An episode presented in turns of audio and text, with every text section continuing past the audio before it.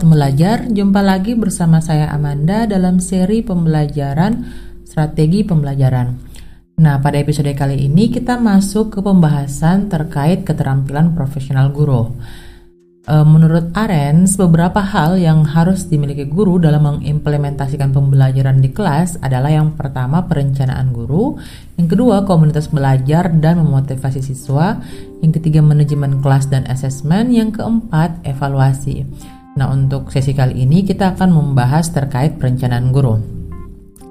Uh, sangat sering kita mendengar ucapan-ucapan dari seorang guru yang menyatakan bahwa saya sudah pengalaman mengajar 20 tahun sehingga saya ingat betul dan sangat hafal tentang apa yang akan saya ajarkan, metode yang dipakai, evaluasi yang akan saya gunakan, bahkan materi soal pun saya hafal.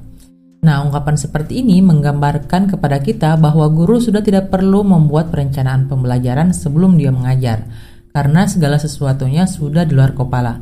Tapi coba kita bayangkan, pernahkah kita tidak membuat perencanaan dalam setiap detik kehidupan kita? Termasuk kita sudah membuat rencana ke perguruan tinggi di mana anak kita akan kuliah, padahal dia masih berumur 7 tahun. Nah, merencanakan pembelajaran pada dasarnya adalah mengambil keputusan tentang pengajaran dan merupakan suatu proses yang banyak menuntut pemahaman dan keterampilan dari berbagai aspek yang perlu dipertimbangkan secara matang.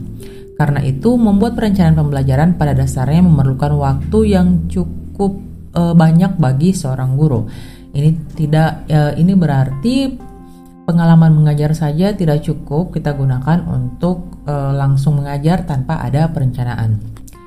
Clark dan Younger pada tahun 1979 menemukan dalam penelitiannya bahwa 1-20% waktu guru dalam satu minggu dihabiskan untuk membuat perencanaan proses belajar mengajar.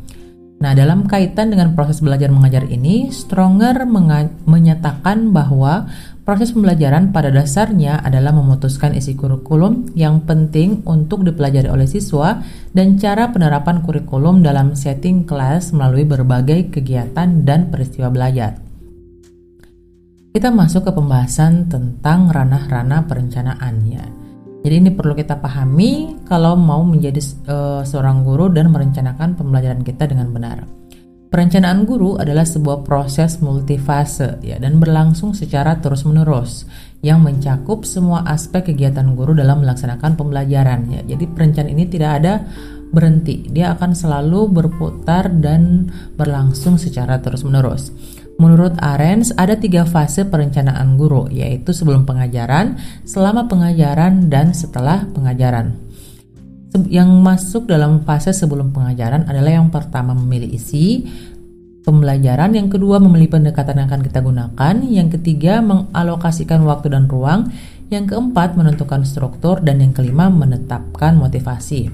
Kalau itu sudah ada semuanya, kita e, masuk ke fase selama pengajaran.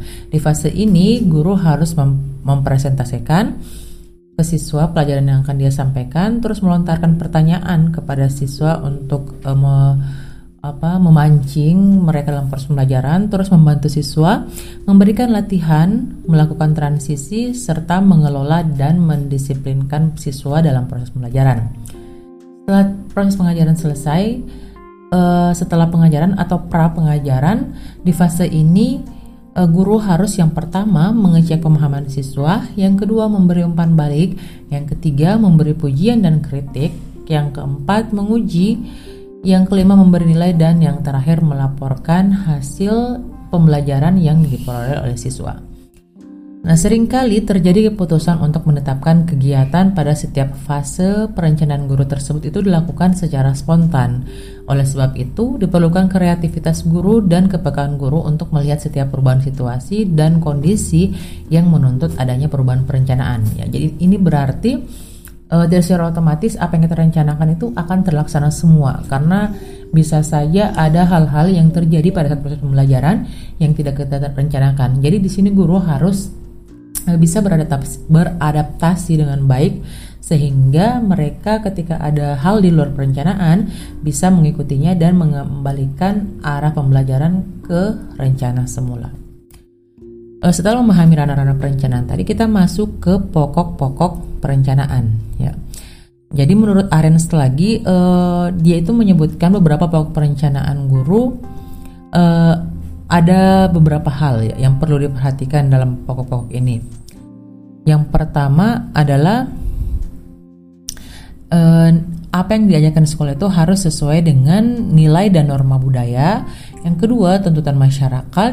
Yang ketiga, standar nasional. Yang keempat, muatan lokal dan yang terakhir adalah kurikulum yang sedang berlaku saat itu. Bagi pendidikan di Indonesia sesuai dengan peraturan perundang-undangan khusus khususnya standar nasional pendidikan telah ditetapkan standar-standar nasional yaitu standar isi, standar kompetensi lulusan dan standar proses pembelajaran yang akan dilakukan. Demikian pula halnya dengan standar kurikulum muatan lokal yang harus disesuaikan oleh masing-masing sekolah sesuai dengan kebutuhan. Oleh sebab itu, sebagai guru sudah seharusnya selalu mengkaji tentang standar kompetensi pada setiap jenjang kelas, kompetensi setiap semester, bahkan kompetensi beserta indikatornya untuk setiap pokok dan sub pokok bahasan.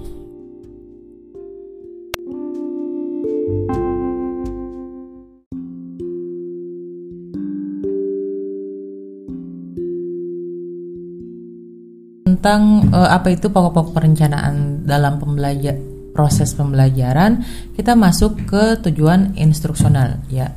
Jadi sering terjadi paradigma berpikir terbalik dari kalangan guru, yaitu memilih materi atau melihat pokok bahasan terlebih dahulu, baru memikirkan tujuan pembelajaran yang diinginkan. Padahal seharusnya sebelum kita membuat perencanaan pembelajaran, kita harus mendahului dengan melihat kompetensi, subkompetensi, kemudian disusul dengan melihat tujuan yang ingin dicapai. Barulah selanjutnya seorang guru menentukan materi apa yang akan diberikan kepada siswa untuk mencapai kompetensi dan tujuan tersebut. Nah, uh, Robert Magyar pada tahun 1962 sudah menyebutkan bahwa tujuan pembelajaran dengan uh, dengan format behavioral objektif itu mencakup tiga bagian pokok yaitu yang pertama student behavior be, student behavior yaitu apa yang dilakukan siswa atau jenis perilaku yang akan diterima guru sebagai bukti bahwa tujuannya telah tercapai. Yang kedua, testing situation yaitu kondisi di mana perilaku akan diobservasi atau diharapkan akan terjadi. Dan yang ketiga adalah performance kriteria, yaitu tingkat kinerja yang diterapkan sebagai standar atau tingkat kinerja yang dapat diterima oleh guru sebagai hasil belajar. Format lain tentang tujuan pembelajaran ini sering dan banyak digunakan dalam lingkup pendidikan, khususnya pembelajaran di Indonesia adalah taksonomi Bloom yang mencakup ranah, kognitif, afektif, dan psikomotor. Nah setelah itu Anderson pada tahun 2001 merevisi sedikit taksonomi Bloom yang disebutnya kemudian dengan istilah Taxonomy of Educational Objective. Dalam perkembangannya, taksonomi ini dikenal dengan istilah taksonomi for learning, teaching, and assessing, ya, atau taksonomi untuk belajar, mengajar, dan menilai. Taksonomi yang telah direvisi, direvisi ini memiliki dua definisi, memiliki dua dimensi. Ya, yang pertama itu adalah dimensi pengetahuan dan yang kedua dimensi proses kognitif atau cara berpikir. Dimensi pengetahuan, dimensi pengetahuan itu merupakan dimensi yang mendeskripsikan berbagai tipe pengetahuan dan mengorganisasikan pengetahuan menjadi pengetahuan metakognitif bergerak dari pengetahuan konkret. Ya, Pengetahuan konkret itu adalah pengetahuan faktual yang merupakan pengetahuan yang paling mendasar. Setelah itu masuk ke pengetahuan konseptual, pengeta lalu ke pengetahuan prosedural, baru ke pengetahuan abstrak atau metakognitif.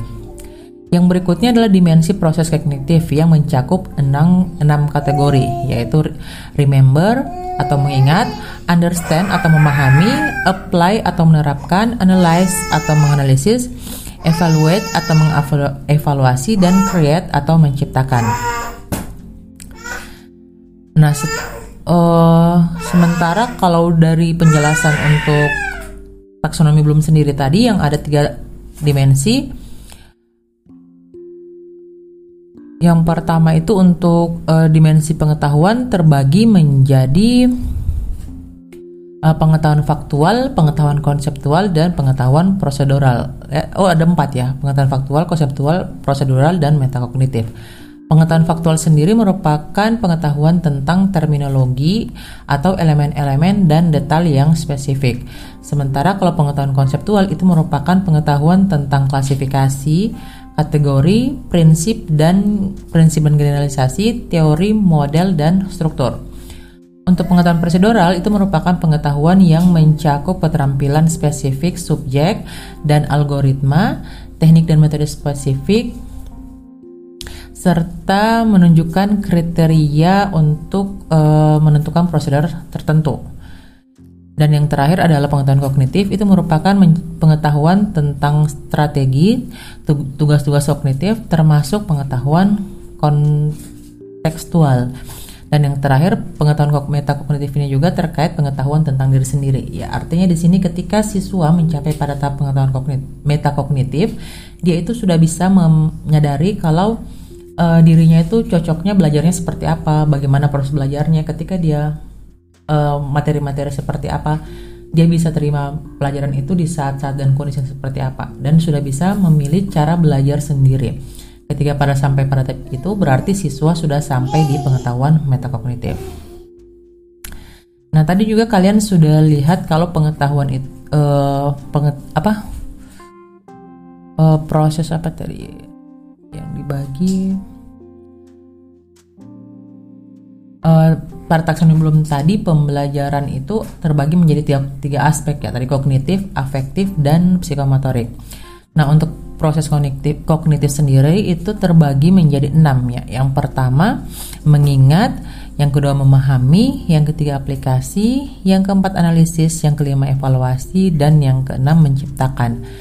Yang berikutnya untuk ranah afektif. Jadi ranah afektif ini adalah uh, pembela apa proses pembelajaran yang terkait dengan sifat atau sikap yang dimiliki oleh siswa. Yang pertama itu dia ada receiving atau menerima, yang kedua responding atau merespon, yang ketiga valuing atau menghargai, yang keempat organization, dan yang kelima characterization by value. Jadi sini siswa bertindak secara konsisten menurut nilai dan memiliki komitmen yang kuat terhadap pengalaman itu.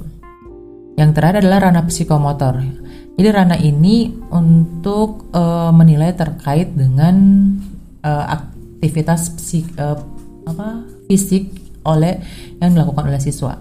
Yang pertama itu adalah gerakan refleks. Yang kedua, gerakan refleks itu merupakan tindakan siswa dapat terjadi luar kehendak sebagai respon terhadap stimulus yang diberikan. Yang kedua ada gerakan fundamental, gerak fundamental dasar, di mana di sini siswa mempunyai gerakan bawaan yang terbentuk dari kombinasi berbagai gerak refleks. Yang ketiga kemampuan perseptual, yaitu siswa dapat mentranslasikan stimulus yang diterima melalui indera menjadi gerakan yang tepat seperti yang diinginkan. Yang keempat, gerakan yang terampil. Di sini siswa telah mengembangkan gerakan-gerakan yang lebih kompleks yang membutuhkan derajat efisiensi tertentu dan yang kelima, gerakan komunikasi non-diskursif. Di sini siswa memiliki kemampuan untuk berkomunikasi melalui gerakan tubuh. Nah, jadi guru dapat mengindividualisasikan pengajaran melalui perencanaan pembelajaran ya, agar dapat memenuhi perbedaan individu. Artinya di sini guru dapat melihat uh, apa ciri khas dari masing-masing siswanya dan menyesuaikan proses pembelajarannya itu agar semua siswa dapat menyerap dengan baik pelajaran yang diberikan. Uh, sebab seperti yang kita ketahui bahwa tidak ada individu atau siswa yang sama di dalam satu kelas meskipun dia adalah anak kembar. Oleh sebab itu, faktor individualisasi perlu mendapat perhatian. Nah, menurut Arens, dap, uh, proses mengindividualisasikan ini dapat dilakukan sebagai berikut. Yang pertama, dengan langkah-langkah berikut ya. Yang pertama, memastikan bahwa tujuan belajar sama untuk semua siswa. Yang kedua, buat variasi waktu. Jadi ada siswa yang perlu tambahan waktu lebih lama daripada siswa lainnya untuk menguasai kompetensi tertentu. Yang ketiga, menyesuaikan bahan ajar dan yang keempat, gunakan kegiatan belajar yang berbeda ya. Karena mungkin satu kelompok siswa akan cepat belajar dengan strategi tertentu, sementara yang lain akan cepat belajar apabila menggunakan strategi yang lain. Oleh sebab itu, guru perlu menguasai penggunaan strategi dan kegiatan belajar yang berbeda antar siswa atau antar kelompok siswa dalam suatu kelas. Nah, selain itu, Weimer memberikan penekanan pada praktik di kelas. Ia menyatakan bahwa pembelajaran siswa yang harusnya menjadi penekanan bukan pengajaran. Ya, sekali lagi yang ditekankan adalah pembelajaran siswa, bukan proses pengajaran yang dilakukan oleh guru. Oleh sebab itu, menurut Weimer, ada lima praktik pengajaran yang sangat penting untuk dirubah. Yang pertama, keseimbangan kekuasaan harus dipindahkan dari guru kepada siswa. Ya, jadi ini kembali lagi merupakan yang dimaksud dengan student center isi harus berubah dari sesuatu yang harus dikuasai menjadi alat untuk mengembangkan keterampilan belajar. Yang ketiga, paradigma harus berubah dari paradigma bahwa guru melakukan semua tugas perencanaan dan melakukan pedagogi yang baik menjadi paradigma bahwa guru adalah penuntun dan fasilitator. Yang keempat, tanggung jawab untuk pembelajaran harus pindah dari guru ke siswa dengan maksud membantu siswa agar dapat menjadi pelajar yang otonom dan mandiri. Dan yang kelima, evaluasi harus digunakan untuk memberikan umpan balik dan untuk menghasilkan pembelajaran dengan penekanan yang kuat pada partisipasi siswa dalam evaluasi diri. Oke, nah demikian tadi pembahasan kita terkait perencanaan pembelajaran ya. Di sesi selanjutnya kita akan membahas terkait bagaimana memotivasi siswa lewat adanya komunitas belajar. Terima kasih atas perhatiannya.